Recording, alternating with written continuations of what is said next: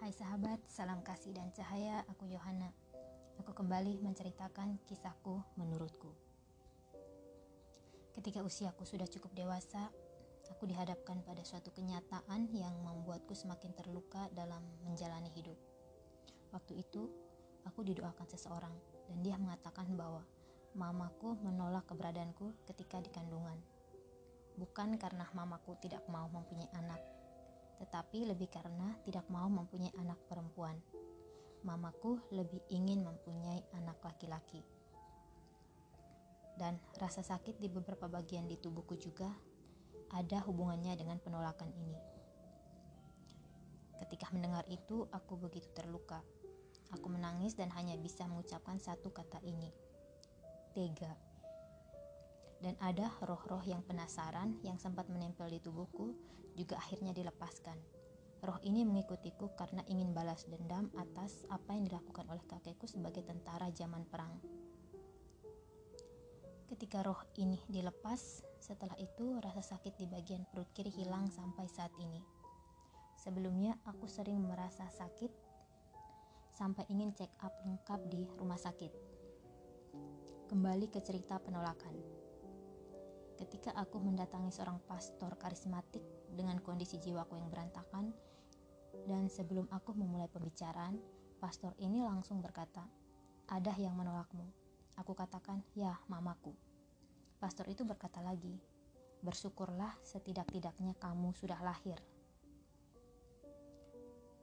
Dan beberapa kali aku mengikuti perayaan misa dan mendengar khotbah dari sang pastor yang kuingat bahwa seorang wanita ketika dia mengandung dan bersamaan itu dia mengalami luka batin, entah apa pun itu, vibrasi energi negatif ini akan terkirim ke bawah sadar janin melalui plasenta rahim. Dan janin akan mewarisi luka-luka batin ibunya sampai dia dewasa, sampai dia melakukan inner healing. Dan dalam kisahku, aku mewarisi luka-luka batin ibuku. Penolakannya membuat membuatku merasa terbuang ditolak maupun dibenci. Semua ini tersimpan rapi di bawah sadarku. Inilah yang membuat hubunganku dengan ibuku kurang harmonis. Aku mudah bertengkar dengan ibu setiap terjadi perbedaan pendapat. Sebenarnya, setelah aku lahir, walaupun akhirnya ibuku sadar bahwa aku anak perempuan, dia merawatku dengan kasih sayang tetapi rekaman penolakan saat mengandung tersimpan di bawah sadarku. Ini yang menjadi akar dari ketidakharmonisan hubunganku dengan ibuku. Kadang-kadang aku sampai ingin memukul ibuku, walau sebenarnya aku tidak berniat seperti itu. Awalnya aku tidak paham kenapa aku kurang akrab dengan ibuku. Setelah aku tahu akar masalahnya dan bersamaan dengan itu juga aku melakukan perjalanan spiritual, akhirnya aku melakukan inner healing dan pelan-pelan keadaan berbalik. Hubungan dengan ibu mulai harmonis, dan kesadaranku mengatakan bahwa apa pun yang terjadi denganku, mau sekejam apa pun orang atau peristiwa itu melukaiku, sesungguhnya tidak ada yang salah. Yang ada hanyalah pembelajaran.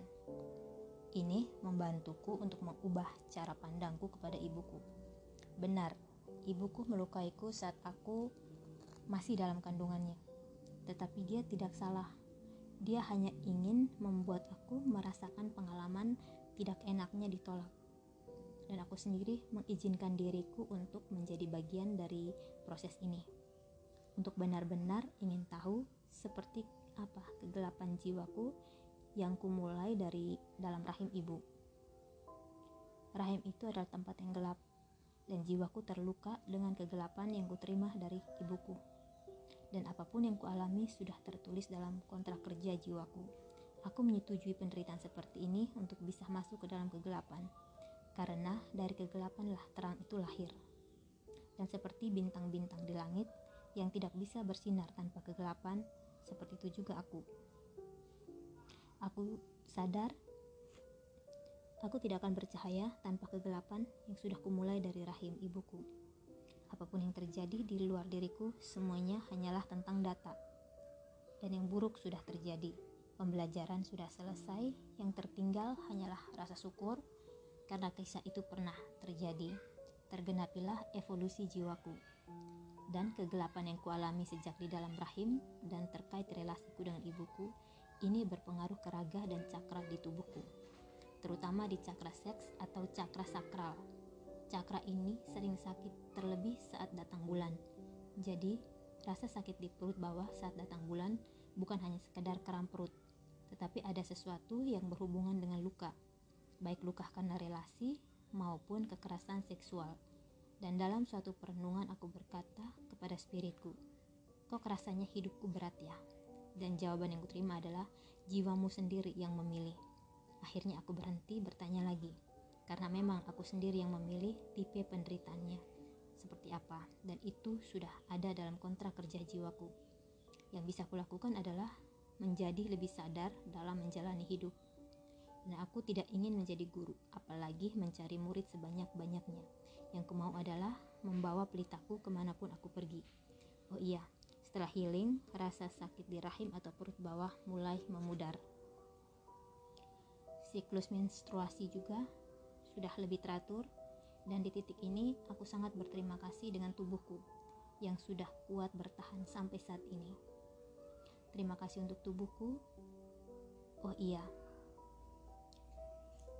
ketika mamaku menginginkan anak laki-laki dan ternyata yang terlahir adalah aku yang perempuan inilah yang menjadi cikal bakal aku terlahir sebagai sosok yang tomboy yang menyukai permainan cowok kurang menyukai dandan dan menyukai film-film perang Nah sahabat, ini ceritaku. Thank you, namaste.